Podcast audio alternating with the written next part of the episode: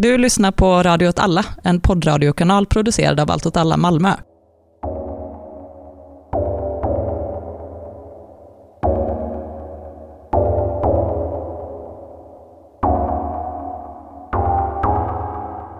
Hej och välkommen till Eld och rörelse. Jag, Martin är här och med mig har jag Myran. Hej hej, tack. Varsågod. Vi har också en gäst med oss, Johannes, Hej hej! Som vi har umgåtts med i helgen och eh, provat på skytte. Inte vilken typ av skytte som helst, utan eh, sportskytte. Så vi har fått skjuta med civila varianter av militära vapen. Och en del jaktvapen också för den delen. Eh, och idag tänkte vi prata lite om eh, skytte, vapenlagar, kultur inom hobbyn, kanske ur ett vänsterperspektiv. Eller hur? Yes! Ja, och eh, till att börja med säga stort tack till Johannes för den här trevliga tillställningen. Det var mycket uppskattat. Tack själva. Det var kul att ni kom. Ja, det var verkligen jätteroligt. Någonting jag har sett fram emot lång tid. För att åka ut och skjuta. Jag är ju jägare, eller jag håller på med jakt, kanske man ska säga. Så att jag skjuter ju lite med eh, jaktvapen. Men det är ändå lite skillnad i det. Jag vet inte varför man tycker det är skillnad. Det är ju, vad ska man säga, olika slags verktyg för jakt och sportskytte.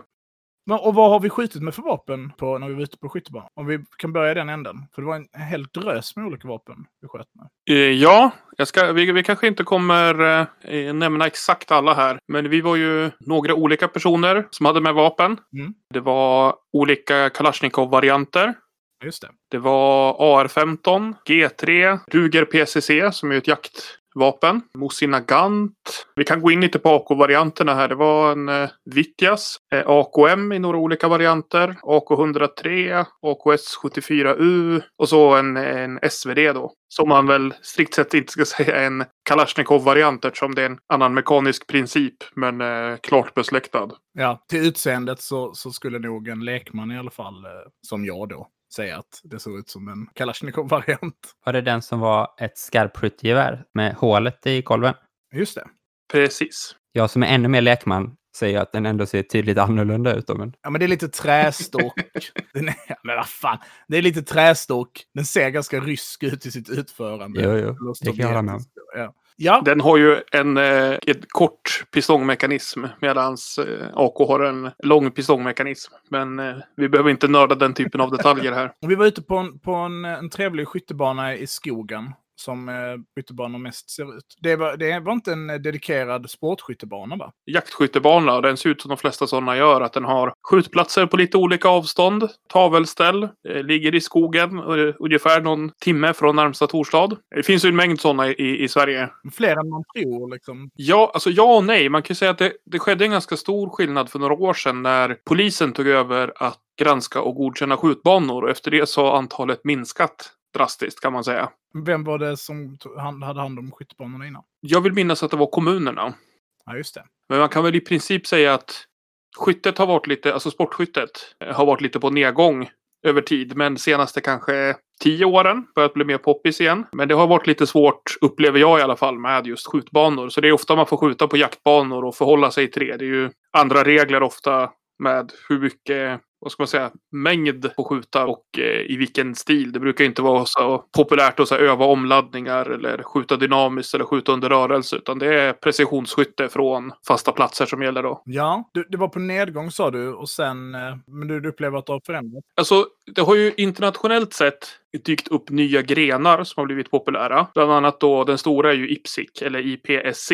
Det som brukar kallas dynamiskt skytte. Det finns andra grenar, men det är den stora. Det är också så att eh, Försvarsmakten i Sverige har på senare tid insett att det är en toppengrej ifall försvarsanställda, eller ja då, soldater övar skytte även på fritiden och har börjat uppmuntra till det. Det här gör att det kommer ett ökat intresse därifrån för dynamiskt skytte. Hur går det till då? Vi, vi stannar upp lite vid sporten. Dynamisk skytte eller den här krångliga förkortningen du sa. Hur, hur tävlar man i det liksom? Man, man kan säga att det finns, så att det finns en mängd olika. Two-gun, three-gun, three-gun action match, IPSIC och så vidare. Eh, PPC med pistol, IDPA. Men grunden i de flesta av de här är att man har olika stationer. Varje station har ett antal tavlor. Och sen är de olika, olika krångliga att träffa. Att man måste luta sig ut från någon kant eller så man får planera lite och så går det på tid och sen eh, får man avdrag för varje miss helt enkelt. Så att oftast är det konstruerat så att du ska vara tvungen att ladda om eller eh, helt enkelt olika moment som kräver att du tänker snabbt. Att du kan agera under tidspress jämfört med så eh, klassiskt precisionsskytte som oftast går på tid men du är stillastående och tavlan är samma, på samma plats i relation till dig hela, hela tävlingsmomentet. Långdistansskytte då liksom. Ja, som man skjuter i OS. Mm. Jag tror att de flesta, liksom en person som inte är så insatt i det här skulle liksom tänka så. Men vadå, man får väl inte äga liksom militära vapen i Sverige? Det tänker jag är nog det liksom gemene svensk tänker. Får man det? Eh, Ja och nej. Det finns ju, det beror på hur man definierar militära vapen. Det finns ju en mängd sportvapen som, som du beskrev i början som civila varianter på militära vapen. Som jag skulle beskriva som eh, sportskyttevapen som ser ut som liknande militära vapnen. Till exempel AR-15 då som är en civil motsvarighet till en militär M16. Nu ska då Myran flika in, som älskar att säga eh, olika avsnitt. När pratar vi om AR-15, Myran? Alltså, vi har pratat jättemycket om olika vapen i tredje avsnittet, va? Om Mm. IS Ja, då olika pratar vi vapen. inte om AR-15. Nej, okej. Är det Irland då? AR Ja, precis. Vi pratar om AR-180 och AR-18 då. Och då kan vi såklart säga att AR-18 och AR-180 är något helt annat eh, än AR-15. Men Vad är Även om båda är gevär. Vad skillnaden är? Mm. En eh, AR-18 har eh, ett pistongsystem medan AR-15 har ett direkt gassystem. Okej. Men rent utseendemässigt då? Vilket jag tror de flesta nog ändå tänker. Jag tycker de ser väldigt olika ut. Men det är ju... Där är ju folk väldigt olika vad man tycker. Eh, Båda är ju så. Svarta har ett pistolgrepp och ett magasin och en pipa. Liksom. Mm. Med gevär. Där, eh, man kan väl säga att AR-18 största claim to fame är eh, filmen Terminator. Där Arnold har ett sånt gevär. Men kopplingen AR-15 M16 då? Alltså, ja och nej. Man kan väl säga att Eugene Stoner var ingenjör. Han insåg att med aluminium kan man göra väldigt lätta moderna vapen. Och så utvecklade han AR-10 som de försökte sälja och sålde till lite olika ställen. Och det är då ett gevär i 7,62 gånger 51 eller 308 i civil eh, nomenklatur. Och den sålde de till lite länder, Portugal och så. Men eh, det var inte så stort intresse de hade hoppats. Men då skalade de ner den när NATO tog fram eh, en ny standardkaliber, 556. Och då, den nerskalade varianten kallade de AR-15. Så man kan säga att AR-15 är egentligen namnet på vapensystemet.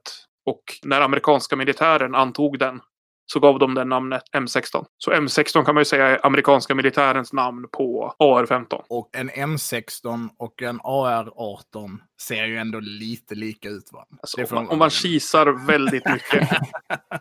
Ja, Okej, ja, vi släpper det. Alltså Så- en, en Volvo och en Audi är ganska lika också. Nej, Ja, vi får lägga upp en bild på det här så får lyssnarna avgöra. Och du har, okej, så att sammanfattningsvis kan man säga att man får äga vapen som är baserade på militära vapen. Moderna militära vapen. För, för inom jakten är det ju så att, eller där ger man ju avslag, eller ger ju polisen då avslag på, och har försökt motarbeta jaktvapen som bara till det rena utseendet av vapnet och inte så stor fokus på själva mekaniken och så. Och där skiljer sig sportskyttet då. Ja, det det finns mycket känslor och åsikter kring de här frågorna. Man kan ju säga att om man backar ett steg och tittar på hur juridiken ser ut så är det väl egentligen så att du får äga vilket vapen som helst i Sverige så länge du kan påvisa behov. Mm. Och de behov som finns enligt lagen är ju, ja, jag förtränger det tekniska namnet, men det som är familjeskäl. Det kan ju vara till exempel då att din farsa har en studsare som, som du inte har licens på. Eller får ha licens på. Och eh, din far går bort. Och sen får du en sån licens tillfälligt då tills du kan ta jägarexamen och ta över licensen. Det kallas väl en arvslicens då va? Ja, och den, då får den ju bara ligga i skåpet egentligen. Och sen finns det eh, egenskydd. Och det, vad jag vet, har väl inte delats ut några sådana licenser i modern tid. Eh, jag tror inte det finns något förfarande där man kan liksom få en sån en licens för att bära vapen för att skydda sig. Men det är liksom rent juridiskt så ska, alltså som lagen är konstruerad så ska den Så är det möjligheten ett av skälen. finnas. Liksom. Ja. Mm. Ja, alltså jag känner ju till att chefer på en del storbolag fick sådana licenser och pistoler under tiden som RAF härjade. Okej, Eh, det är en väldigt återkommande grej med vapenlagar. Ja, vi, vi- vi kan återkomma till det sen. Men eh, jag ska ta de andra eh, licensgrunderna. Och sen finns det då jakt. Och där, där ska du ha tagit jägarexamen.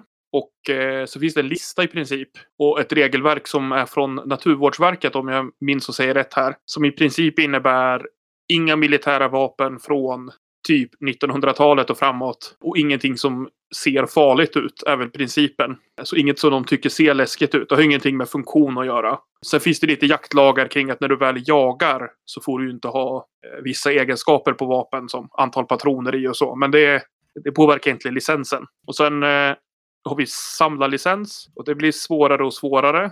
Där söker du egentligen så. Du presenterar ett område som är intressant för dig eh, och så ska du påvisa att du har ett dokumenterat intresse. Till exempel samlingar av saker som inte är vapen från samma tidsperiod, medlemskap i föreningar och sånt. Eh, så då kan det vara repetergevär från andra världskriget till exempel.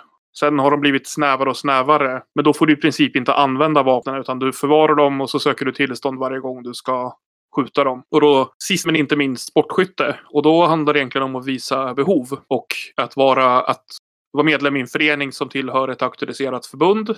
Och det är ganska luddigt vad det innebär. Det är lite nya regler som polisen hittat på. Men i, i praktiken så är det så att om du håller på med en sportgren där ett visst vapen behövs för att ägna sig åt den sportgrenen så skriver föreningen ett intyg på att du behöver det och så får du söka licens. Och principen att alla gevär är räcker det med ett föreningsintyg och alla enhandsvapen eller automatvapen kräver eh, synnerliga skäl. Då ska du kunna uppvisa mycket mer. Och k-pist, som är det enda automatvapnet man kan skjuta då, då ska du i princip vara Sverige-elit för att få en egen licens. Annars ska, anser jag... Ja. Du ska ha klubblicens och annat. Eller?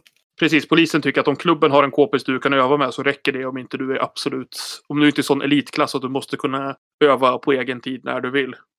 Eh, så sådana licenser delas knappt ut. Och, men, och pistoler då, då ska man ju i princip vara med i något. Det är IPSC-förbundet eller Pistolskytteförbundet eller Svenska Skyttesportförbundet. Och då är det så att du ska skjuta till en viss skicklighetsnivå. Och det är både att vara att du får vänta en viss tid och att du ska skjuta till en viss skicklighetsnivå som också, ja, i princip väldigt, väldigt aktivt under ett halvår. Inom vanligt, det som kallas nationellt pistolskytte, då får du först licens på en pistol i, i 22 long rifle. Den, ja, det som man kallar salongsgevärskaliber förr i tiden. Och sen efter en ytterligare tid så kan du söka licens på en fullstor kaliber. Och enhandsvapen då ska alltid förnyas var femte år. Så det kräver att du är aktiv och tävlar varje år egentligen. Ja, just det. Annars tycker, man att, annars tycker de att man inte Precis, har... man har som- inte behov. Och då ska vi säga så att det också kräver i princip ett eh, fläckfritt brottsregister. Ja, alltså ja och nej. Det görs vad som kallas en vandelsprövning. Och du får inte vara dömd för något våldsbrott eller annat brott som visar på att du är liksom en ohederlig figur. Där inte straffet är avtjänat för minst fem år sedan helt färdigt. Just det. Men det finns ju personer som får nekat vapenlicens utan att vara dömda för något. Det var ju ett uppmärksammat fall för några år sedan här med en Hells Angels-ledare som sökte licens för ett jaktgevär och fick nekat. Ja, och även, även, nu vet man inte sanningshalten i det, men jag vill minnas att jag läste några Flashback-trådar där folk är så. Polisen nekar mig vapenlicens för att min bästa kompis är tungt kriminell. Alltså vet liksom den typen av mer luddiga. Och så, det är möjligt. Jag har inte hört talas om sådana specifika fall. Men det ska också sägas att eh, jag känner inga tungt kriminella och har inte varit någon förening där det har varit problem riktigt. Nej, men, men jag vill minnas när jag läste lagen så är den ganska luddigt. Alltså du ska vara en, jag vet inte om det är hederlig individ, men det, alltså, det är formulerat på ett sätt.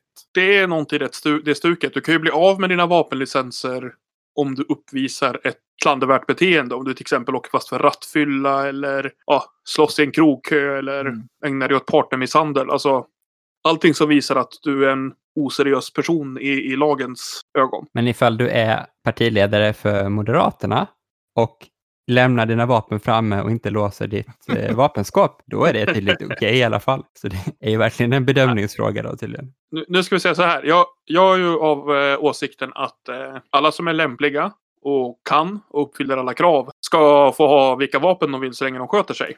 Jag har liksom inget problem med det. Det handlar om att, att skjuta på papper eller enligt väldigt noggranna regler jaga djur. Liksom, det är ju det man ägnar sig åt. De jag tycker inte ska ha vapen är de som inte kan sköta det eller de som har eh, ska vi säga, våldsfantasier. Det, det finns ju en del, tyvärr, inom skyttehobbyn som skriver en del sådana saker som jag tycker är ganska förkastliga. Om att skjuta Greta Thunberg eller sätta på Öresundsbron. Och det finns liksom flera som har någon slags vigilante fantasi. Att de ska börja med skytte så att de kan så här, skydda sig och sin familj mot någon vagt definierad hord av någonting. Om vi tar den frågan då, alltså liksom kulturen inom hobbyn på något sätt. Alltså, jag eh, brukar ju skoja på Twitter ibland om att jag tillhör vapenlobbyn.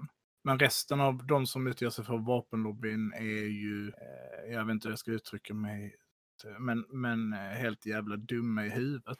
Alltså, Tur att du Nej, men en det- diplomatisk nej, men att man är så här, om vi, om vi, för vi tänker att våra lyssnare är tillhör liksom vänsterkretsen på något sätt. Och jag tänker att vänsterkretsen generellt har, i alla fall i Sverige, har en, en ganska stark skepsis till vapenägande. Man kan kalla dem hoplofober.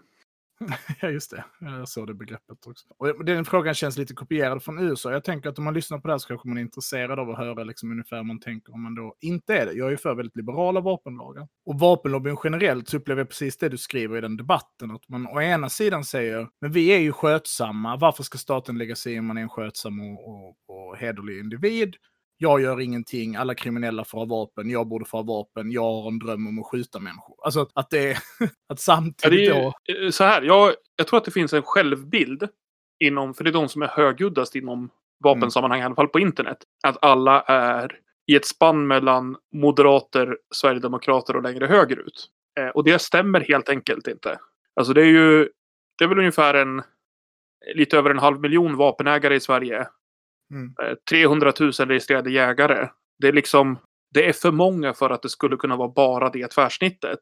Det finns ju liksom folk av alla politiska färger. Alltså, som jag sa innan, jag ser liksom inget problem. Så länge alla ställer upp på, vad ska man säga, ställer upp på samhället på något sätt. Så här, inte vill att man ska springa runt och skjuta på varandra. För att jag jag är så svårt att se det förenligt med att vara en seriös ansvarstagande vapenägare. Att liksom fantisera om medborgargarden eller liksom eller för den delen om, det, om man skulle... Nu har inte jag sett någon någonsin uttrycka det här i något vänstersammanhang. Men det teoretiska att någon skulle prata om liksom, ja, vi ska liksom skjuta nazister. Det finns liksom inte den... Alltså den konfliktlinjen finns inte liksom. Och folk som fantiserar om den tänker jag inte ska ha vapen. Men det tror jag handlar om extremt få. Jag liksom... Ja, precis. Det finns en retorik som kanske är att man ska skjuta nazister. Men... Nej. Klassiska slagordet i demonstrationer till exempel. Ja, eller- ja, AK4, AK5, natsarna kan hälsa hem. Men det är ju aldrig någon som faktiskt äger någon automatvapen som skriker det slagordet. Liksom. Så det, därför att de också ofta är, tillhör en åldersgrupp som inte Som är- får äga vapen. Alltså, jag, jag, 15 jag tänker att det också finns...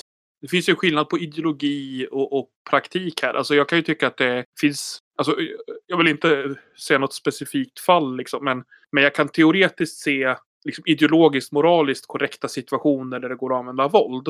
Mm. Men det är liksom inte applicerbart i en svensk kontext. Alltså prata om att skjuta förtryckare. Det är liksom eh, eh, Mussolini och Stalin.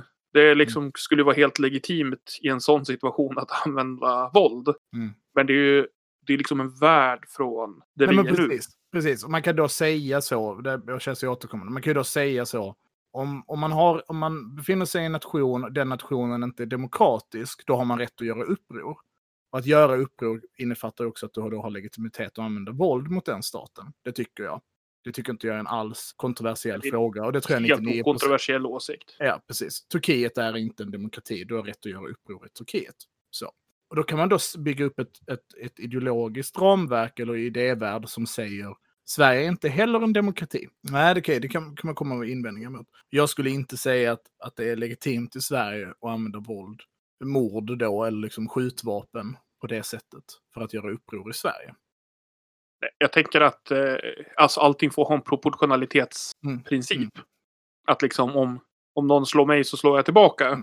Och, och så Ja. kan man ju resonera, men det finns ju liksom inte den accelerationismen som finns bland till exempel så högerextrema i USA eller en del länder i Östeuropa. Den finns liksom inte. Alltså vi har en liten nazistsekt med några extremister liksom, men de är ju Ja, det är synd att de ger sig på folk med jämna mellanrum, men de är ju i, i någon slags svensk nationellt perspektiv är ju de en parentes liksom. Om vi tar det som exempel då. NMR eh, har ju ett par fall där de förlorar sina vapenlicenser. Både att de blir nekade och förlorar. Vid ett tillfälle förlorar de, får den igen. Vad tänker du om det? Här blir det klurigt, för jag tycker att alltså, NMR är ju en... eh, där är det lite mer klockrent. De är ju en ganska så här, väldokumenterad organisation som ägnar sig åt terror. Liksom. Det är ju deras, Mm. deras metod. Och där är det ju lättare, men jag tycker ändå... Jag är lite så här hellre fria än fällan när det gäller det här för att det inte ska bli... Vad ska man säga? Alltså risken jag ser är att det blir en snäv, väldigt borgerlig definition av vad som är det acceptabla spektrat. Om man då börjar säga att så här, folk som på något sätt politiskt står utanför riksdagspartierna får absolut inte ha med vapen att göra. Då hamnar man i en väldigt så här slippery slope-sits. Däremot kan jag säga att NMR känner jag inte ligger liksom någonstans i en gråzon på den skalan, för de är ju terrorister. Känner du samma sak om, om eh, vänsterorganisationer som har en våldsrepertoar? Alltså, jag känner ju inte till någon vänsterorganisation i Sverige eller knappt ens Europa som är i närheten av den typen av våldsmetod och kapital som, som NMR och deras, vad ska man säga, den militanta nazistiska subkulturen ägnar sig åt. Alltså, Att nazister faktiskt har mördat massa människor i Sverige, men vänstern har inte gjort det. Det är en viktig skillnad. Ja, men precis. Alltså de, det här är ju helt anekdotiskt såklart. Men eh, av alla jag känner till som håller på med vapen, som är åt vänsterhållet, så är det ju ingen jag är orolig ska gå och skjuta någon. Medan man stöter på en del typer på skjutbanor, internetforum och så vidare, som skriver och säger en del grejer som får mig att känna lite så här, oj, jag kanske inte ska säga vad jag tycker. Jag kanske inte ska säga att jag är för fri invandring när den här killen är i närheten. För att han säger att man borde skjuta muslimer. Så det finns liksom en annan det finns en annan acceptans för liksom våldsidéer från höger. Jag tror att det finns en borgerlig syn på liksom AFA, det säger jag inom scare quotes här, för att där är oftast eh, åsikten att alla som är liksom alla som är till vänster om koncentrationsläger är AFA. Att det finns någon slags eh, meme-bilden med den svettiga mannen med två knappar. Att liksom å ena sidan så är, är vänstern ett gäng ofarliga flummare.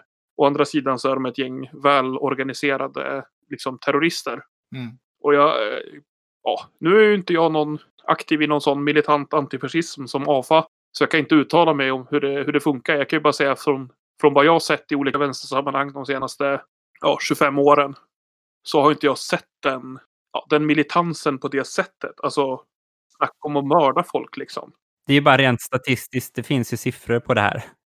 Ja, Det men alltså, om, liksom någon siffror. skulle, om någon skulle börja snacka på ett så här, fackmöte jag var på eller på en demonstration om att så här, nu ska vi skjuta borgare. Då hade ju den personen blivit antingen utskrattad eller utkastad. Nej, hade, Liksom. det varit över, hade det varit över eh, 20 så hade Ja, man ju ja, ja, så hade man ju typ att lägga av, fan pinsam du är. Och hade den varit under 20 som hade sagt vad kul det är att de håller på. ja, Nej, men, ja, men liksom, eller så, men han, alltså, av någon typ av ungdom. För det är väl kanske min bild att de människorna man hör prata om det, framförallt är unga människor, alltså, de är barn i någon mening. Så. ja, och det, har ju ändå, det har ju ändå ungdomen till att få vara ja, ja, lite... precis. Alltså, Fan, det klart. Överdriva lite när man snackar. Nej, men, för den delen vuxna, så jag känner ju att det kan finnas en, en väldigt så ängslighet kring språk. Att man får inte uttrycka sig poetiskt. Alltså, Mm. Typ om någon är förbannad och säger jag ska vrida nacken av den jäveln.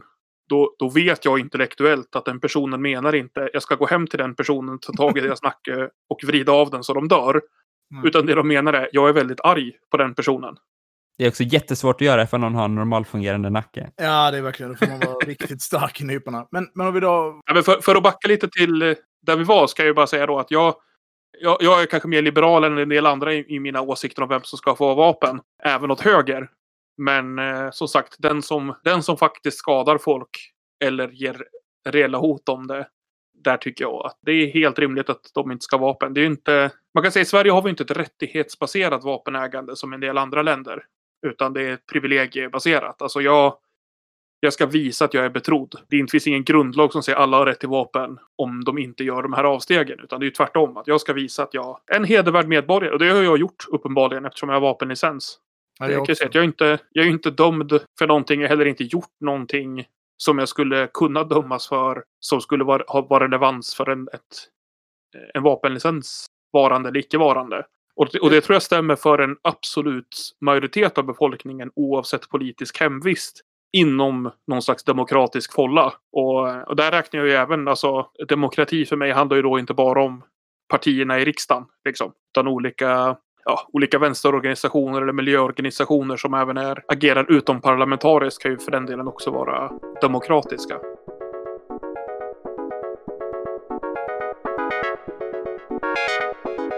Jag vill bara säga att eh, det vi snackar om är med att göra uppror och så, man får ju verkligen tänka på att de orden också betyder olika saker i olika kontexter. Alltså som sagt, vi förstår det som att Sverige är ett så liksom demokratiskt land att vi inte kan börjar vifta med vapen och skjuta någon.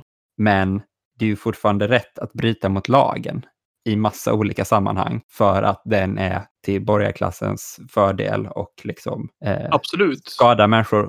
Men, men, sättet vi gör det på är ju liksom socialt och kollektivt och, och kan dessutom ge framgång, vilket ju inte man kan nå genom att som en marginell vänstergrupp ha någon sorts vapenfetisch, för det kan ju bara sluta på ett sätt, nämligen att de som har jättemycket mer vapen, staten, kommer vinna den konflikten. Det är liksom det enklaste sättet att garantera sin egen förlust. Så det, jag vill ju vara noga med det. är därför jag säger lagar som är relevanta för en vapenlicens. Alltså om någon som är stenhård moderat skulle vara med i en eh, vild strejk så tycker jag fortfarande de ska få kvar sitt vapen. Eller fiffla med skatten. Eller, eller vad fan. Ja, eller ladda hem en eh, film från en torrent-sajt liksom. Det är, inte, mm. det är inte relevant. Medan oavsett politisk inriktning, om du liksom kör full. Nu, jag är ju en sån här fäbless för trafiklagar. Jag tycker att alla som eh, kör för fort direkt ska sättas i Gulag. Eller ja, i alla fall få böter. Mm. Eh. En viss skillnad mellan de två, men ja. ja, då är vi inne på det här poetiska språket igen. Ja, ja, ja. Men, men, eh, men ni förstår vad jag menar, att det är skillnad på, på lagar som är till för människor och lagar som är till för upprätthålla system. Mm. Och jag upplever i alla fall ganska, alltså Sverige har väldigt bra vapenlagar. Polisen hatar ju alla sportskyttar och nästan alla jägare. Ja, det är konstigt. De är väldigt aktivistiga eh, kring det. Men om man bortser från deras agerande, som vi säkert kan komma in på, så är själva lagen säger ju att om du är skötsam och har behov så får du ha ett vapen. Man testar individen. Liksom. Det är du, du begår inga konstigheter, du inget dumt. Då är du betrodd att äga ett vapen. Mm. Medan andra länder kan ha andra, andra typer av system. Det, vi, vi, vi, ska nog inte gå in för mycket på amerikanska vapenlagar för det är ett väldigt stort och komplext område där jag måste säga att jag skulle säga nästan 100 procent av alla svenskar jag har hört uttala sig om det. Definitivt procent av alla svenskar från vänsterhåll har extremt dålig koll på både kultur och lagar kring vapen i USA, men uttalar sig väldigt självsäkert. Där kan man väl säga att återigen, de har ett rättighetsbaserat system och vi har ett privilegiebaserat och det är i, i grunden olika. Jag känner att frågan om vapenägande bortom hobby, bortom jakt, har aktualiserats i vänstern på grund av situationen i USA just nu. Mm. Ja, alltså där man liksom, folk postar bilder på Boogaloo Boys som eh, skyddar eh, Black Lives Matters demonstrationer och liksom Redneck Revolt för ett par år sedan var de ju väldigt på tapeten och Socialist Rifle Association och så varit uppe på tapeten. Och jag känner att den typen av bilder cirkulerar väldigt mycket. Bara för, för någon dag sedan så cirkulerar den här bilden på Not Fucking Around Crew, heter de så? Coalition, Not Coalition. Fucking Around Coalition. Amerikaner demonstrerade, beväpnade med... Ja, och de demonstrerar ju dessutom specifikt för andra tillägget i konstitutionen, alltså rätten att bära vapen. Och, på och 4 juli. Mm. Och, och, då, då um, upplevde jag att folk från svensk vänster postar de här med bland annat då liksom, den här demonstrationen vågade polisen inte attackera. Så jag upplever även att den, det språket eller tankesättet kanske också har, har förändrats lite på grund av den här generella amerikaniseringen av, av svensk politik. Alltså, här tror jag återigen vi kommer till så här, kulturskillnaden är så viktig att det finns en, alltså konceptet av vapen för egen skydd, inte bara av individen utan av ens egen gruppering i samhället. Det finns inget bra ord för community tycker jag, på svenska. Men man pratar om community defense. Mm. Att liksom eh, Svarta Pantrarna höll på med det och andra beväpnade grupper från vänster håller på med det. Att sen när polisen inte följer lagen så beväpnar vi oss för att visa att de inte kan jävlas med oss. Mm. Och den, det är en kulturell sak som inte finns i en svensk kontext. Men jag tror att, det, eller jag hoppas i alla fall att fler svenskar förstår den kulturella skillnaden och att så här, det är inte svart och vitt. Inte så att alla som är för vapenägande i USA är onda nazister och alla som är emot är goda liberaler. Vilket är lite synen som många verkar ha här. Jag tror att det är bra att man får den här nyanserade bilden att så här, ja, det här är en fråga som är, det har en komplex sammansättning av problem och det är en komplex sammansättning av människor på olika sidor av olika åsikter i frågan. Mm jag är ju, det ska jag säga, nu pratar vi mycket politik kring vapen, men jag kan säga att i, i en svensk kontext så är det viktigaste för mig med sportskytte att det, det skärper olika sinnen och det är roligt. Mm. För det kan jag säga att jag, även när jag håller på med olika sorters dynamiskt skytte så handlar det ju inte om att jag övar för en eldstrid eller någonting. Utan det är så här, alltså om jag ska vara krass så är det ju liksom en ballare variant av att spela Airsoft eller Call of Duty. Liksom. Mm. Jag får hålla på med roliga verktyg som smäller på ett sätt som kräver att, ja, att, att jag trimmar min, mitt sinne och min fysik på ett sätt. Liksom, det, är, en idrott helt enkelt. Och det kanske man vill säga då, att om man lyssnar på vår podd och tänker att eh, fan, jag skulle vilja eh, träna för att eh, vara med i en eldstrid. Så finns det ju någonting som heter GMU, där staten ger dig Precis. pengar för att bli utbildad i att vara soldat. Tips, tips från coachen.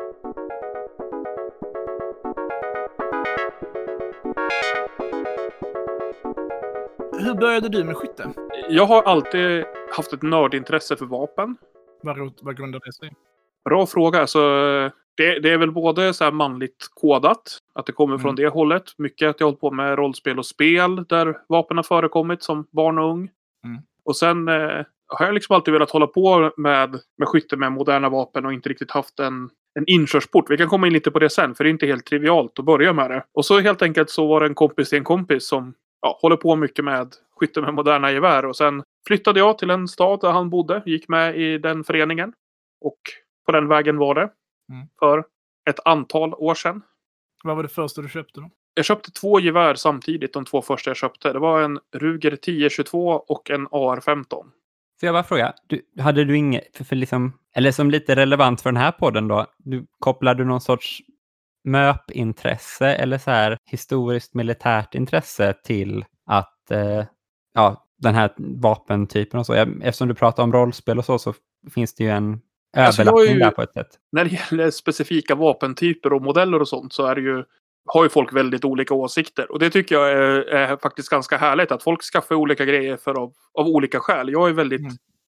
pragmatisk. Det är både så att eftersom polisen är så aktivistisk så vet man inte. Alltså det kan hända att så här, ja, men imorgon går det inte att få en vapenlicens men det gick idag.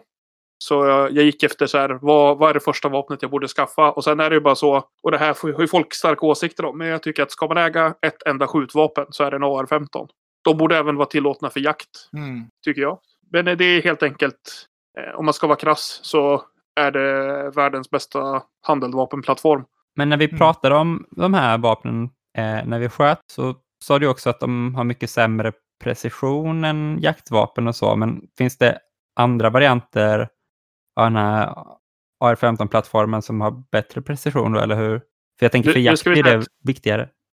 Alltså halvautomater har alltid sämre precision än manuella repetgevär. Men om vi pratar mekanisk precision här så är det fortfarande så att, att mänskliga faktorn gör ju att det är otroligt svårt att skjuta bättre än vad geväret gör. Alltså en, en AR-15 eller AR-10 då, om man ska ha en större kaliber, är ju mer än fullgod precision för jakt. Det är antagligen lättare att träffa bra med dem för att de är mer ergonomiska. Men den mekaniska precisionen i ett vapen som har färre rörliga delar kommer ju alltid vara bättre. Men det är ju på ett ganska liksom, teoretiskt plan. Om, man ska, liksom, om vi pratar jaktavstånd så är det ju liksom... Övar du lite med en AR-15 så är det inget problem att, att träffa där du ska träffa för att jaga. Okej. Okay.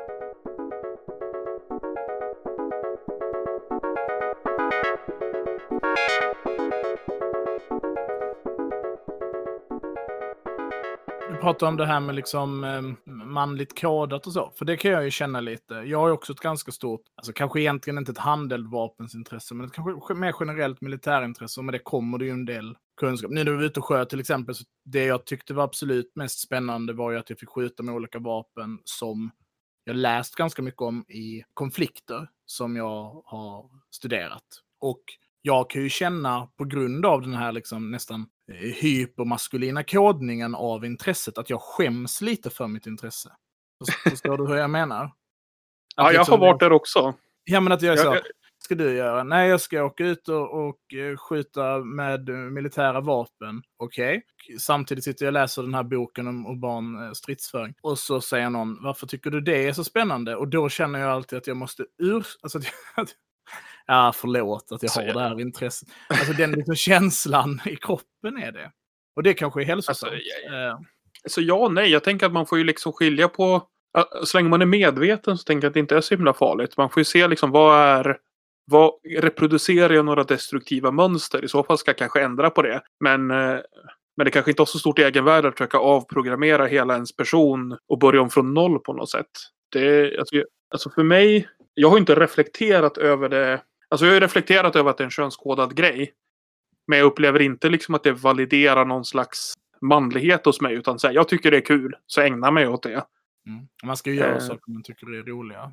Det är... Sen jobbar vi, jag kan ju säga att den föreningen som jag är ordförande i, som, som jag ska komma in på här så pratar jag inte så mycket om vad den föreningen heter. Men det, det, det är helt enkelt en liten skyttesportförening. Där jobbar vi aktivt för att vara utjämnande så att det inte bara ska vara snubbar. Och det har ju också varit så i alla skyttesammanhang jag har rört mig i. Förutom att det är ganska högeranstruket så är det ju också ganska grabbigt. Alltså inte bara att det är... Jag tänker att det är skillnad på att det är mycket män och att det är grabbigt. Mm. Och det är något vi försöker jobba ifrån i, i de sammanhang jag, jag är aktiv i. Jag vet inte hur ni upplevde hur det var. Nu var vi ju mest, mest män med när vi var ute och sköt. Men försöker ändå att inte ha den här grabbiga tonen liksom. Nej, men absolut. Och jag tänker också att det kan vara viktigt att säga sportskytte, som alltså är en sport, har ju Sverige och har ju väldigt framträdande kvinnor i skyttesporter. Alltså ser man rent i tävlande så, så står väl både liksom skidskytte och skit till exempel, så har vi väl flera väldigt framgångsrika kvinnliga skyttar. Ja, och jag skulle säga att den, den största profilen är ju Pia Clarté som är svensk IPSC-skytt på toppnivå. Mm. Det är absolut så att det, det är inte så att det är en, en helt homosocial hobby, men eh, det finns förbättringspotential om man säger så. Men det blir väldigt, jag har ju hållit på en del med kampsport. Jag känner att det är lite liknande. Att på den internationella arenan då eh, producerar ju Sverige fler bra kvinnor, tar hem mästerskap och så, än vad vi producerar män. Men samtidigt så kan ju beteendena på klubbarna vara väldigt eh, grabbiga. Hänger du med? Ja. Liksom att, vilket ju- det borde ju... Så här, jag, jag har ju, det finns ju strategier man kan ägna sig åt det. Jag, jag försöker såklart agera även när jag är i sådana så homosociala miljöer med bara grabbiga grabbar. Att liksom ja, försöka fostra en, en lite bättre kultur. Men många, alltså eftersom skytteföreningar är anslutna till Riksidrottsförbundet så har de ju krav på sig att, att försöka verka för jämställdhet. Till exempel. Mm. Och många skytteklubbar, jag vet att många pistolklubbar till exempel som har sådana introduktionskurser, då brukar de ha till exempel special, att det är typ kvällar där bara kvinnor kommer eller där att det är extra pris eller så. Så det är, är värt att kolla ut om man är, om man inte identifierar sig som man, tycker att det känns läskigt med de här miljöerna, att gå dit med en kompis eller två. Eller försöka hitta folk i ens närhet som håller på med det som man litar på eller känner sig trygg med och hänga med dem. Nu ska jag säga att jag, jag har inte upplevt liksom något fysiskt hot om våld eller så i något skyttesammanhang, men jag har definitivt upplevt jargong som varit obehaglig och som om jag vore en annan person, om jag inte vore en så vit man i mina bästa år, hade upplevt som extremt obehaglig. Alltså tittar man på jaktsammanhang då, där jag kommer ifrån, så upplever jag att eh, man har kommit ganska långt. Alltså om, om, om man är på en, liksom en älgbana eller om man, alltså det är väldigt lite jargong överhuvudtaget liksom och hälften av de som deltar är kvinnor. Så att om man är intresserad av jakt, då tänker jag att man inte ska tveka överhuvudtaget. Alltså gå din kurs, det kommer vara många kvinnor där. Gå till din lokala älgbana för att eh, öva på att ta din jävla klass 1. Det kommer vara många kvinnor där. Och framför allt så tror jag att jakt, alltså det kan jag tänka mig att sportskytt har ett större problem med, det får du gärna kommentera, men att den här eh, från oben exklusiv klubb som man ju känner igen från generella nördsammanhang, förstår du vad jag syftar på? Ja, jag förstår Den- precis vad du menar. Den kan jag ju tänka mig är väldigt stark inom sportskyttet. Ja, och, och, och den förstärks ju strukturellt av att jag tror att alla sportskytteklubbar jag varit aktiv i har ju haft ett system för att bli medlem som i princip är att du ska bli inrekommenderad. Mm, just det. Så att du måste. Det, det är inte så att du är bra, utan du måste känna någon innan för att komma in. Och det är ju, alltså det kom ju ur av att klubben går i god för sina medlemmar till polisen. Liksom. Det är ju, förutom vandelsprövningen så, så, säger ju, så måste man ju säga att det här är en person vi tycker är lämplig att ha ett vapen. Men det gör ju också att det blir väldigt mycket gatekeeping. Mm. Ja, Det Ja, det reproducerar de majoriteter som redan finns för att den, man är oftast kompis med de som är mest lik sig själv, antar jag. Ja, och det blir ju en, en liksom... Det i sin tur reproducerar ju sådana här mönster kring exklusiv klubb. Vi är få utvalda och, och särskilt med det här moderna. Nu, nu vet jag att det finns en del. Alltså IPC förs har försökt liksom bli mer folkligt i Sverige. Jag tror inte de har lyckats så bra. Men där finns det ändå någon slags tanke om det. Men annars så är det väldigt så att folk har känt sig speciella för att säga kolla vi är de som har, säg jag tillhör hemliga klubben som får ha en Kalashnikov. Det får inte resten. Liksom. Jag är ju mer, jag vill ju att alla, alltså jag tänker att ju fler som håller på med sportskytte, ju mer accepterat blir det och ju mer kan man krossa myterna kring det. liksom. Jo, men precis. Och det är ju bra för ens hobby. Alltså ju fler som håller på Ja. med ens hobby, ju bättre är det. Det kommer in mer pengar i det, det finns fler föreningar, fler tävlingar. Alltså det är ju bara bra. Och det här känner man ju igen från andra nördsammanhang. Att vissa bara vill sabotera för sin hobby genom att göra den, göra den eh, exklusiv. Ja, Nej, och det har jag verkligen inget intresse av. Jag önskar ju att, eh, alltså som att det var på typ 60-talet, att eh, man kan gå ner i skjutbanan i källaren och Eh, skjuta lite pistol på lunchen liksom. Eller åka med familjen på picknick och skjuta k-pist. Så här, det, det fanns en folklig, ja, det är också en total, totalförsvarsgrej såklart, men, men skytte har blivit lite mer eh, så här, läskigt och något folk på landet håller på med. Ja, om, om vi ska, du, du har nämnt vid ett par tillfällen den här liksom, aktivistiska attityden från, från polisen. Jag tänker att man ska prata lite om svenska, svensk vapenlagstiftning och lite hur den debatten ser ut idag. Och det här när vi pratar om att polisen är aktivistisk. Tänk, kort historiegrej så är väl att så att de första svenska vapenlagarna, eller liksom regleringen av vapenägande, kommer som till följd av ryska revolutionen. Med eh, det uttalade syftet att det verkar inte skitbra att kommunister bara får köpa skitmycket vapen. Sen kommer den en ytterligare en lag 1934 som ännu mer reglerar hur man får, får handla med vapen. Och den eh, anger då samma skäl. Det, det är kommunisterna igen då. Så det går ju någonstans då från liksom K-verksamhet och lagar runt K-verksamhet till att retoriken sen 50, 60, 70, 80 och 90 liksom, så går det från K-verksamhet till extremister för att idag då kanske mer kretsar runt terrorister. Ja, alltså jag, jag upplever att mycket av lagarna som har kommit, vad ska man säga, senaste 30 åren kanske, på gott och ont handlar om att se till att vapen som är inhandlade lagligt inte ska bli kriminella vapen.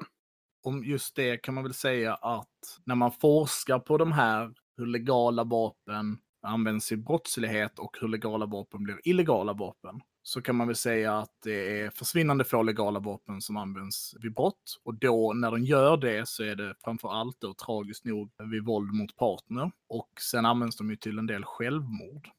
Ja, vi, vi har ju ganska få skjutvapen självmord i Sverige. Mm.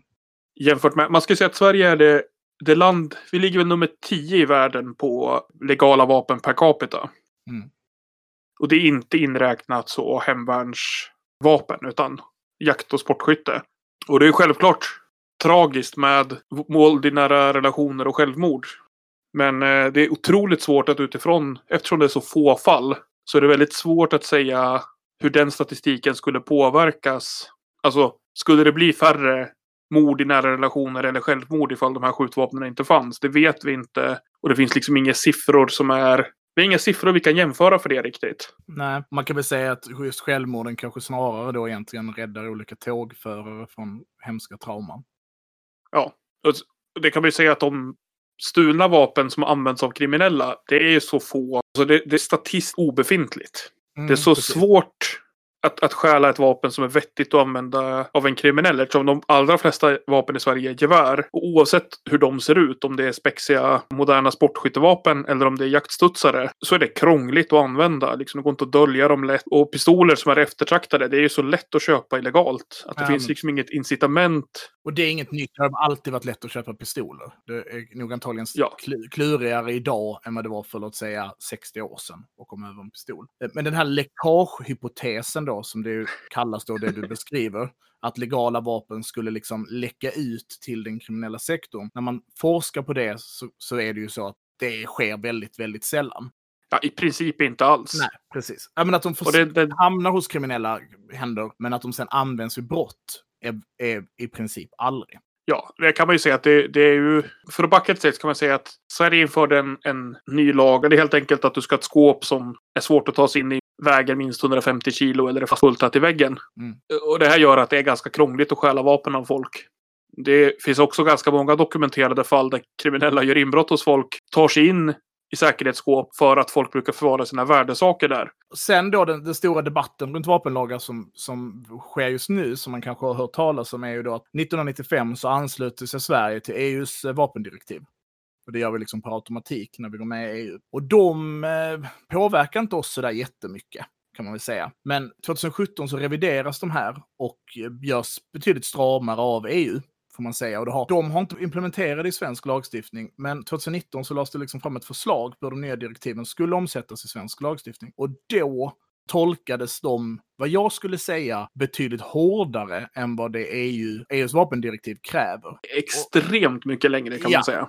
Ja, Och av en slump så ser, de, ser det väldigt snarlikt ut förslag som... Ja, så polisen har velat ha flera år till det, ja precis. Och man kan väl säga att då rör det väl sig licens för magasin, att helt enkelt förbjuda viss magasinkapacitet och att flyt, flytta, vad ska jag säga, kategori, kategorisera till exempel då vissa jaktvapen med, låt säga 10 skottsmagasin i en kategori, kategori A, som är samma kategori som pansarvärnsrobotar är i, vilket gör att du i princip inte kan förflytta de här vapnen mellan länder med hjälp av flyg. Alltså för att flygplan låter inte en ta pansarvärnsrobotar på flygplan. De låter inte en resa med kategori A. Och den debatten lever ju väldigt mycket just nu. Sossarna har väl försökt lägga fram den, är det två eller tre gånger? Ja, de, de misslyckas ju varje gång. Det, man, man, kan väl säga så att det finns, ja, det finns egentligen ingenting bra i, i EU-direktivet. Men, men det finns liksom grundidéer i det som Sverige redan implementerar. Och det är därför tror jag att det finns en, en stark motvilja mot den här. Förutom att det är sådana idiotgrejer som du pratar om. Så är det runt det att man ska kontrollera skytten. Och det gör vi ju redan i Sverige. Alltså eftersom mm. vi har samkörda automatiska register. Om du åker fast för rattfylla så kommer polisen kontakta dig om dina vapen. Det, är liksom inte, det kommer inte missas. Det finns ingen samhällsgrupp som är så hårt eh, kontrollerad på det sättet än vapenägare. Alltså en polis kontrolleras i mindre utsträckning än vad en vapenägare gör. Jag tror det är på daglig basis den söker mot... Ja, det, du, du kan inte göra något, något fuffens.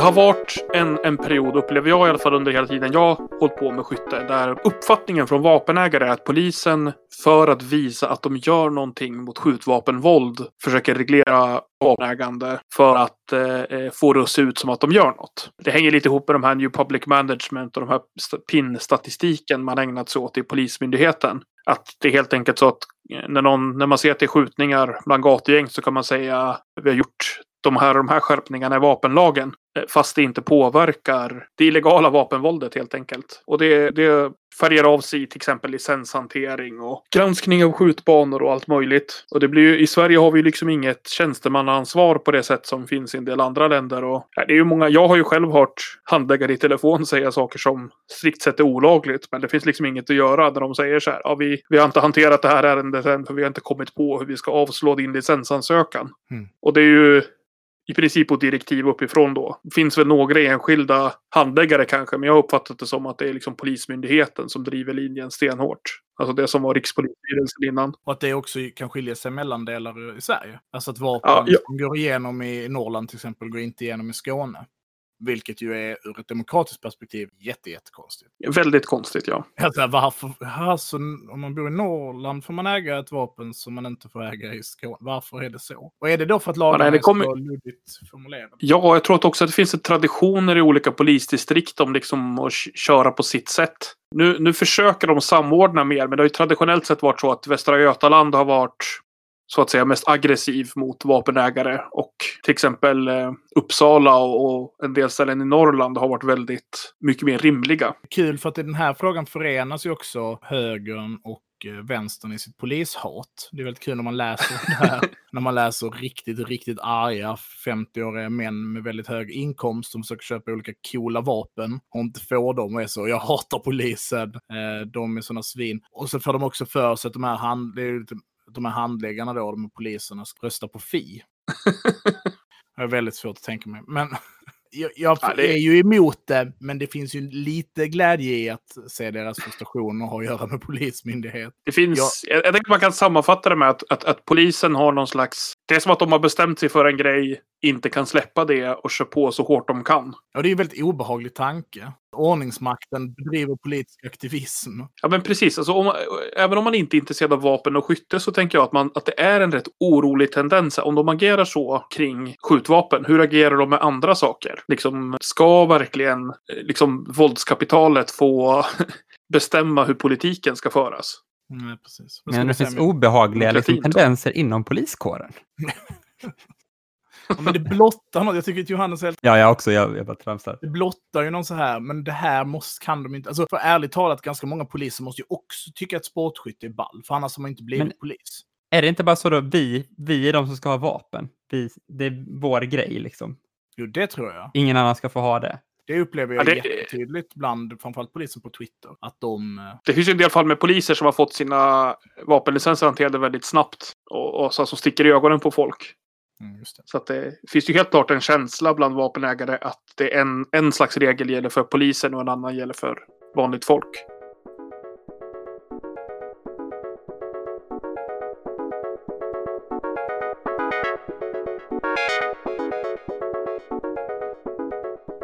Om man skulle vilja börja med sportskytte. För det, det, det låter ju som att du tycker att man borde det om man tycker det verkar kul. Hur går man tillväga Det då? borde alla som är lämpliga kan och vill göra. Jag tänker det, det absolut lättaste sättet. Det, om man vill pröva på. Det lättaste sättet är om man känner någon som håller på med jakt eller sportskytte. Att fråga om man kan hänga med dem till skjutbanan någon gång. Det finns också skjutbanor där du kan eh, så eh, betala för att prova på. Det finns en i Stockholm som heter The Target. Det finns säkert fler om man googlar. Man kan också ibland åka till jaktskjutbanor och fråga om man får prova på. Eller ja, det är lättast såklart att ringa eller mejla dem först. Och här säger jag ringa för att det är mycket, ska vi säga, seniora individer Ja. i Ja, jaktsammanhang. de goa. Som, ja, de goa gubbarna som driver de föreningarna. Ja. det är mycket telefon och Mm. pappersbrev. Men vill man börja, ska jag säga att det lättaste sättet, det är att ta jaktexamen. Det kan du göra på en ABF-kurs eller eh, åka och ta en helgkurs. Det finns bra appar för att plugga om man vill göra det. När man har jaktexamen då kan man köpa Alltså man kan köpa en eh, älgstudsare, men du kan köpa en Ruger 1022 till exempel. Populärt gevär som är billigt. Eh, ammunitionen är billig. Jag har en sån. Ja, jag med. Jag tror att det kan vara det absolut vanligaste geväret i Sverige. Och den kan du ta med ut till jaktskjutbanan och, och, och pröva och är det här kul? Och då kan du försöka se, finns det, kan gå med i när jag har en egen vapenlicens. Sportskytte, då får man hitta en förening och bli inrekommenderad i. Det, det är ju tyvärr så läget är. Men det kan man kolla. Det finns många till exempel IPSIC-föreningar som har väldigt synlighet på så Instagram och så. Då kan man bara skicka ett meddelande. Jag är jävligt nyfiken på det här. Så det är den vägen jag skulle gå. Mm. Man kan, om man är intresserad av att ta jaktexamen kan man eh, skriva till mig på, eh, på Twitter. Det kan jag hjälpa till att förklara ungefär hur det går till. Om man vill ha det mer i detalj. Jag skulle säga att vill man, som sagt det finns mycket på Instagram och man kan egentligen bara söka på IPSC eller skytte och se vad man hittar i sociala medier. Man kan också Pia Clarté Sportskytt heter hon nog på Facebook och Hagge Benke på YouTube är eh, säga, två, de två som kanske är tydligast och synligast driver. Och det kan säga om båda de här att de inte är några vänstertyper. Nej, det får man ju säga. Nu, jag, jag känner ju eh, Hagge Benke lite privat. Han är ju, eh, han är ju en färgstark figur liksom. Men eh, han är också, han har gjort mycket för vapenägande i Sverige. Liksom, drivit fall till förvaltningsrätten och liksom inte gett upp även när det varit krångligt. Utan, eh, han är ju ganska insatt i liksom, juridik, liksom har processat det. Sen skjuter han mycket roliga vapen också, så det är kul att kolla på om man gillar det. Jättebra. Jag tänker att vi ska avrunda här. Det har varit skitkul att ha med dig. Och jag tänker att vi har anledning att återkomma ifall vi ska diskutera handel, vapen. Eh, Jag vet att du kan det ämnet eh, betydligt bättre än mig. Och eh, Myran för den delen. ja, Och, eh, det, det, en- det är ett specialintresse kan man ganska lugnt säga. Men eh, tänker att vi nog har varit inne och touchat det mesta som eh, jag tänker kan vara, vara intressant. Har du något att tillägga Myran? bara tacka för intervjun och igen för möjligheten. Ja, det var svinroligt. Ja, det kan jag ju fråga er då. Ni, efter att ha prövat på här, är det något ni skulle vilja göra mer? Jag måste ju säga, det, det var jättekul, men jag har ju också en jaktexamen, men inget gevär. Och jag känner nog så här, det kommer räcka långt för mig att- skjuta på bana med, med ett jaktvapen liksom, eller så. Men ja, vem vet, med, med tiden så kanske man får ett eh, större intresse så, liksom, ett djupare. Jag skulle säga absolut att det finns ett intresse. Det är tiden som är den begränsande. Men efter att vi diskuterade liksom hur reglerna faktiskt ser ut, vissa att jag hade missförstått vissa detaljer i det, så kan jag säga att, eh, att jag överväger det. Och då kom jag på en fråga som var relevant. Hur mycket pengar kostar det att köpa ett gevär? Förstår, förstår du? Jag tänker att man sitter och Ja. lyssnar på det här. Hur mycket pengar kostar det här? Så, så, vi, vi kan göra lite överslag så här. Det, där, det finns ju såklart som med alla prylhobbys inget tak. Eh, så det är inte så, det är inte så relevant. Ja, men det är inte så relevant att prata om hur dyrt det kan bli. Liksom, för det kan bli hur dyrt som helst. Men, men låt säga att du vill börja med skytte. Du, du går med i en förening. Då kanske det kostar dig en, en tusenlapp per år. Eller något sånt. Många föreningar har en förhöjd avgift första året för att avskräcka oseriösa typer. 500 till 2000 spänn beroende på förening. Eh, ibland kan det vara så att det är en kurs du måste betala för. Men det är oftast alltså, täcker kostnaden för fika, bröd och ammunition. En Ruger 1022 till exempel kostar då 5, 6, 7 tusen lite beroende på utförande. Och, och du kan säkert hitta en begagnad för några tusen lappar mindre. 22 ammunition till den kostar kanske 50 öre smällen. Så om du är ute en gång i veckan och skjuter 100 skott är det 50 spänn. Och sen är det ju dina transporter till och från skjutbanan. Och så kostar en licensansökan kostar ett par hundra att skicka in. Men det är de kostnader det handlar om. Och sen som sagt, det finns ju inget... kostar. Ja, ett skåp kostar ju 2-3 tusen och uppåt. Det är ju så att du, du kan köpa ett billigt skåp och lägga in tyngder eller skruva fast det. Eller så köper du ett lite dyrare skåp så du bara kan ställa in i lägenheten eller huset du bor i. Och sen så får du gun fever. Alltså det... Återigen, alltså det finns ju inget tak. Och så är det ju, det är många som håller på med den här hobbyn som tänker så här, jag ska bara. Och sen står man där med tio gevär och massa sikten. Och... Sen drar det ju iväg, alltså. 22 ammunition kostar som sagt ungefär 50 öre. Jag kan säga att ammunition till min AKM kostar väl ungefär... När jag började så kostade det 1,50 till 2 kronor smällen. Nu, eh, man kan väl säga att diverse konflikter i Östeuropa, till exempel eh, en viss invasion av Krim, gjorde ju att det blev lite ammunitionsbrist. Och nu kostar det kanske 4 kronor smällen. Samma för AR-15, det ligger där runt 5 kronor smällen. Och sen går man upp på lite större kalibrar. Ja, med min 308 så tror jag det kostar kanske 7 till 10 kronor smällen. Och jaktammunition kostar ju mycket mer. Det här är ju liksom övningsammunition. Ja, det kanske snarare är 50 kronor skottet. Men då ska du ju helst inte behöva skjuta mer än ett per djur. Men det, man kan väl säga att de moderna sportgevären, alltså en Ruger 1022 om den kostar runt 5000 spänn. Så kan man säga att de moderna sportgevären är väl från ungefär 10 och uppåt. Jag tror Mm. att du kan få en Kalashnikov för 9-10 tusen som är schysst kvalitet. En AR-15 för Då är det ju lite en engångsköp också. Alltså, de går ju inte sönder Ja. på det sättet. Det är ju verktyg. De håller ju. Ja, precis, de håller. Om du tittar då på jaktvapen kan ju vara lite känsligare och så, för de är ju inte gjorda för den typen av slitage och stress. Men min älgstudsare då förväntar ju jag mig, om så vill, håller hela mitt, min jaktkarriär, hela mitt liv. Ja. Nej, och det är, ju, det är ju så man får tänka lite att det är engångskostnader. Och, och så får man ju välja lite så här. Man kan välja att ta med sig gevären som är... Alltså oavsett vad man har för gevär kan man ju välja att ta med sig dem ut som är billigare och i drift så att säga. Men så, och, om man slår ihop de här kostnaderna så kan man väl räkna med att, att för att komma igång med målskytte med ett eget vapen så handlar det om kanske 10 000 kronor utspritt lite över tid. Och en jaktkurs på helg, vad kan det kosta? Ungefär lika mycket. Alltså jag, jag, jag betalade provkostnaden. Resten läste jag gratis. Eh, och det, det är fullt möjligt. Är man röding, är van vid lite studiecirklar och så, så är det liksom inga problem att ta sin jaktlicens. Ja, jag ser här helgkurser finns här för 3000 och uppåt. Men som sagt, du kan också bara köpa en bok eller app, plugga Ja, gå till studiecirklar med biblioteket. kompisar. gjorde jag. Ja, det är fåglarna som är det svåra i jaktexamen. De förbannade Det- fåglarna. Det tycker tyvärr inte jag då. Jag tycker det är superlätt. Man kan, man kan väl de 300 vanligaste fåglarna i Sverige ett utseende? Varför kan man inte det? Där ska vi avrunda. Jag tackar så jättemycket för att eh, ni har lyssnat och supertack till dig Johannes som eh, ville komma hit och prata med oss. Ja, tack för att jag fick vara med. Om inte du har någonting att säga så säger jag följ oss på Twitter. Jag heter Trojkan1337 Jag heter Slukhall. och eh, man kan följa oss på Facebook också. Tack för att ni har lyssnat. Ha det gött! Tack och hej. Hej, hej.